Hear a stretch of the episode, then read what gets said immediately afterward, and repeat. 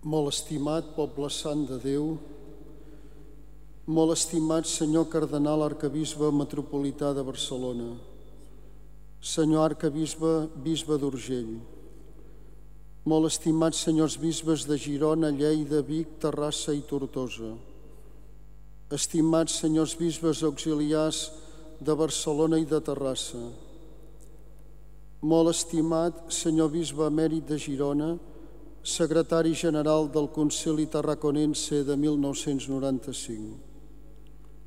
Benvolguts pares abats de Poblet i de Montserrat, molt estimada mare abadesa de Vallbona de les Monges, molt estimats vicaris generals i episcopals de les diverses esglésies amb seu a Catalunya, estimats canonges, molt estimats preveres i diaques, molt estimat rector de l'Ateneu Universitari Sant Pacià i del Seminari Major Interdiocesà, benvolgut degà de la Facultat de Teologia, molt estimats membres del Concili Tarraconense que avui heu pogut participar en aquesta celebració, molt estimats membres del Consell Pastoral Diocesà i de les delegacions diocesanes, molt estimat rector de la parròquia ortodoxa romanesa de Sant Calínic i de Sant Fructuós de Tarragona, molt estimada coral, molt estimats tots els que seguiu aquesta celebració de cloenda del 25è aniversari del Concili Tarraconense per mitjà del canal web de l'Arcabisbat i de les xarxes socials. Segur que avui sous molt més dels qui avui estem aquí presencialment a la catedral. Us saludo amb afecte a tots i a totes i us invito a seguir amb goig aquesta celebració malgrat les restriccions ocasionades per la pandèmia.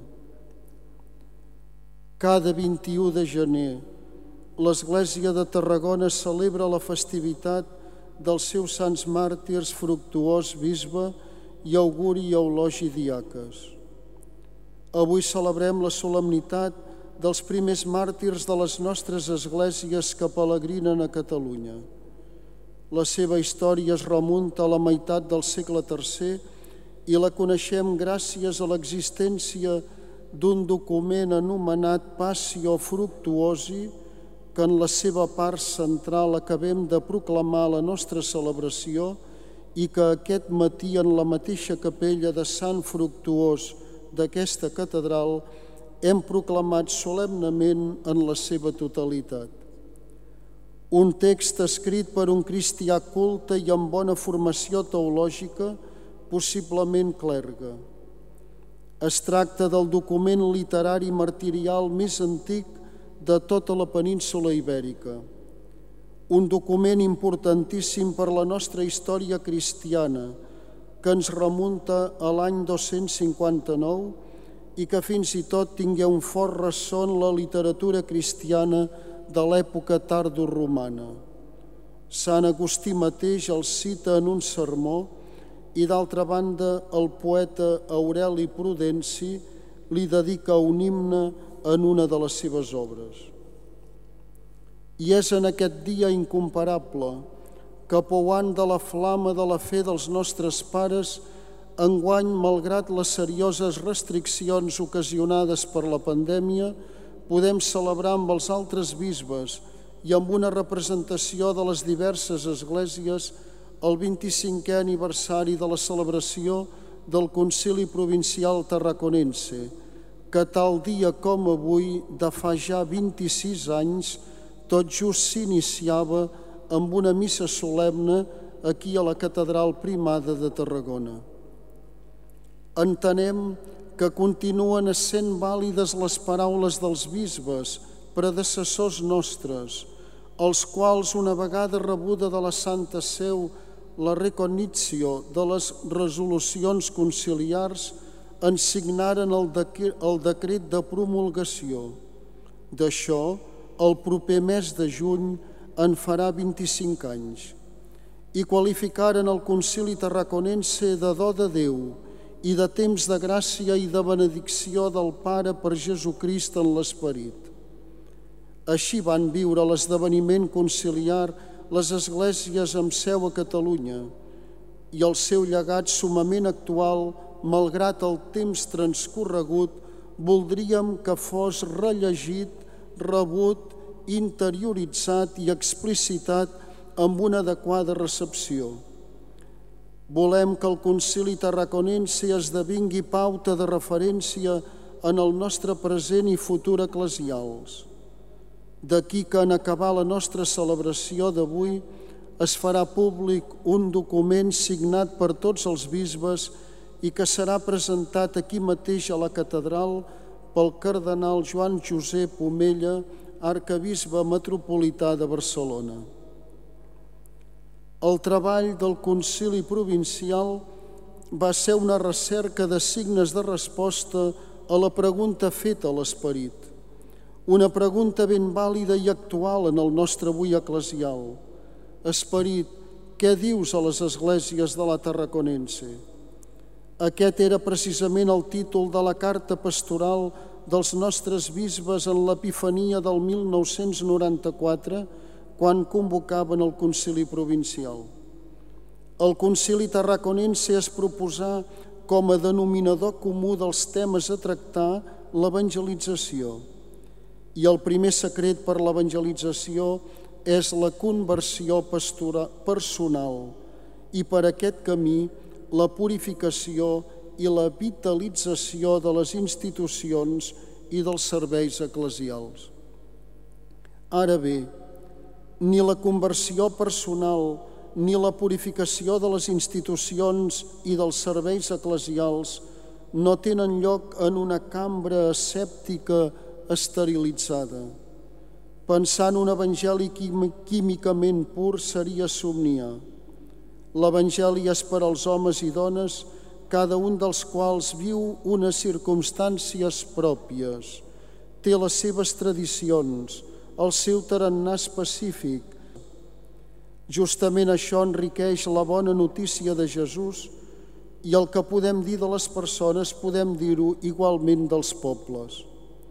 D'aquí la intenció del concili tarraconense.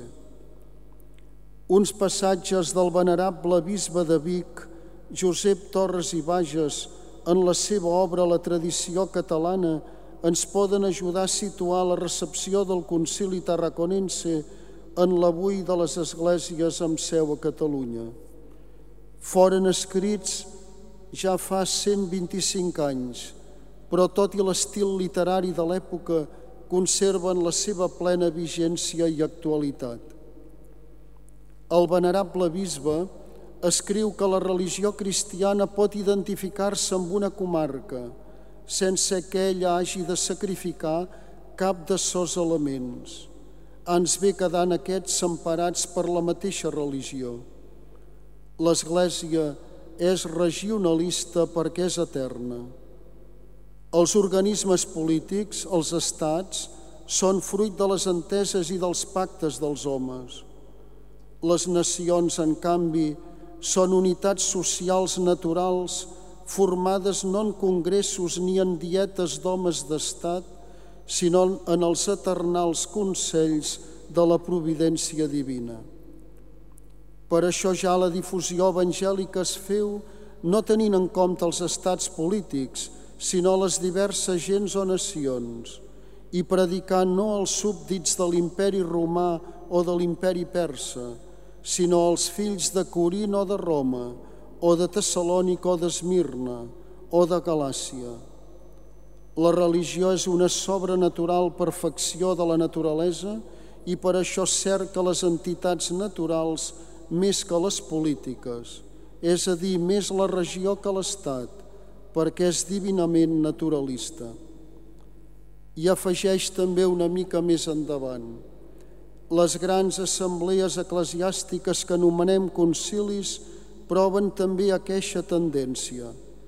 Reuneix rares vegades, sols per necessitats que tenyen a tot el llinatge humà el concili universal, però és amiga de que sovint es reuneixin concilis provincials, més encara sínodes o concilis diocesans, reconeixent que hi ha una vida religiosa en cada territori que per si mateix ha d'arreglar-se les coses, salvant sempre l'autoritat i la primacia del successor de Pere. Fins aquí la citació del venerable bisbe. Molt estimats i estimades, la concreció del camí conjunt de comunió entre les deu esglésies diocesanes amb seu a Catalunya passa per la consolidació de la unitat pastoral entre elles, entesa i viscuda amb esperit de comunió interdiocesana i de coordinació pastoral. Això ho afirmem els bisbes en el document que es farà públic al final d'aquesta Eucaristia. Avui podríem demanar al Senyor en aquesta solemnitat dels nostres primers màrtirs que, fonamentats en la fe dels primers pares, a la llum del concili provincial, la conferència episcopal tarraconense pugui avançar en aquest camí d'unitat pastoral, perquè tan sols així les decisions que es vagin prenent enmig de les vicissituds i incerteses del moment present estaran veritablement emmullades amb l'argila del nostre poble. El papa Francesc, a la recent encíclica Fratelli Tutti, parla de fomentar el sentiment de pertinença, perquè la nostra societat hi guanya quan cada persona, cada grup social se sent veritablement de casa. En una família els pares, els avis, els fills són de casa, ningú no en queda exclòs. Si un té una dificultat, fins i tot greu, encara que se l'hagi buscada ell, els altres corren a ajudar-lo, li donen suport, el seu dolor és de tots les baralles de família són després reconciliacions. I en la mateixa encíclica, el papa parla de l'amor a la terra, al poble, els trets culturals propis. No puc trobar-me amb l'altre si no posseixo un substrat on estic ferm i arrelat, perquè des d'allí puc acollir el do de l'altre i oferir-li quelcom veritable. El bé de l'univers requereix que cadascú protegeixi i estimi la seva pròpia terra. Però com afirmava Sant Fructuós, en el moment de donar el seu testimoniatge sublim, també ens cal tenir en el pensament l'Església Catòlica de llevant fins a Ponent. D'aquí que afegeix el papa, no és possible ser sanament local sense una sincera i amable obertura a l'universal, sense deixar-se interpel·lar pel que s'esdevé en altres bandes, sense deixar-se enriquir per altres cultures o sense solidaritzar-se amb els drames dels altres pobles. Per tot això, afirma el papa, cal apropar-se, expressar-se, escoltar-se, mirar-se, tractar de comprendre's, buscar punts de contacte, aquesta és la definició del verb dialogar. Si no hi ha diàleg vol dir que no hi ha preocupació pel bé comú, que només hi ha imposició. En el diàleg dels diferents sempre neix una nova síntesi, un mestissatge. Els herois del futur seran els qui sàpiguen trencar aquesta lògica malaltissa i implantar la cultura de la trobada. I el papa exclama aquí, Déu vulgui que aquests herois s'estiguin gestant silenciosament en el cor de la nostra societat. Tramatem, doncs, a les nostres esglésies, a les diverses instàncies socials i al mateix món de la política aquest esperit. Davant la polarització del moment present, maldem amb totes les energies i amb les mediacions que calguin perquè s'estableixi la cultura de la trobada i perquè no es desnaturalitzi la nostra història o es negui aquell sentiment de pertinença autèntic i natural que és la llei divina de tot ésser viu, com afirmava també Torres i Bages a la tradició catalana. En canvi, si es respecta i s'ajuda a mantenir-lo viu, es farà la veritable unió entre germans i germanes, l'única que val la pena, perquè és l'única que és justa. Com afirmava el cardenal Omella en el seu discurs a la Conferència Episcopal Espanyola, la tasca de reduir la crispació i de promoure la cultura de la trobada no sols correspon als mitjans de comunicació i a les figures públiques o del món de la política, sinó que correspon a tots nosaltres. La podem portar a terme en els nostres contextos diaris, en les converses, en les xarxes socials, en la formació dels infants i dels joves, en els missatges que posem en circulació en la societat. Hem de donar contínuament oportunitats a la concòrdia i a la reconciliació, esdevenint artesans de pau. I davant la complexitat dels moments polítics i socials que vivim en el marc d'una crisi econòmica agreujada per la pandèmia i en la perspectiva d'unes noves eleccions al Parlament de Catalunya, a nivell eclesial procurem que els fervors polítics d'un costat o de l'altre no ens esxerreieixin l'esperit. Perquè, com també afirmava Torres i Bages, la religió és com l'aire que tothom l'ha de respirar. El concili tarraconense era conscient que no podia reduir la pastoral a un problema de simple reorganització i coordinació.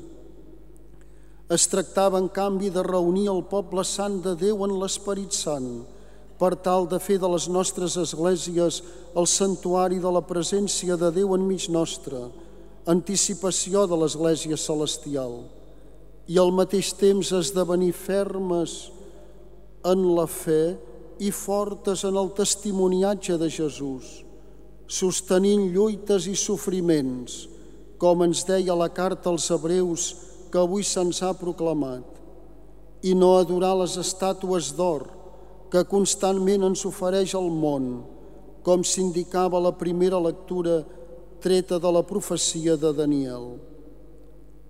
Per això ens cal donar gràcies a Déu per l'experiència eclesial que va suposar el concili per les nostres esglésies. Però el concili tarraconense no va ser una flor d'estiu. El seu llegat no pot quedar reduït a la biblioteca o als arxius pels estudiosos. Ara el que ens cal és que tots plegats fem dels seus documents i resolucions un torrent d'aigua que regui la terra, que amari les nostres esglésies assedegades d'Evangeli i pugui donar flors i fruits al llarg dels anys. De fet, el document que presentarem al final de la celebració d'avui l'hem escrit pensant que a partir d'ell en puguin brollar iniciatives concretes i engrescadores per al nostre present eclesial. Amb tot, no hi ha res més cristià que esperar. El Senyor m'ha escoltat, res no m'espanta, cantàvem en el salm de la missa d'avui. Nosaltres mateixos, els que avui participem d'aquesta Eucaristia i també tots els que la seguiu telemàticament, som el resultat del somni esperançat de Jesús, que tot ho confiava al Pare. I com hem escoltat a l'Evangeli d'avui, Jesús prega per nosaltres i ens confia les seves paraules per tal que preservant-nos del maligne i sense ser del món, puguem estar més encarnats en el món. I mentre correm la nostra etapa d'aquesta cursa passional a la llum del concili tarraconense i amb el testimoniatge de fer dels nostres primers màrtirs, el bisbe Fructuós i els seus diaques, avui se'ns ofereix l'ocasió de fer no una nova església, però sí renovar a fons la que tenim i formem, la que ens ha estat confiada.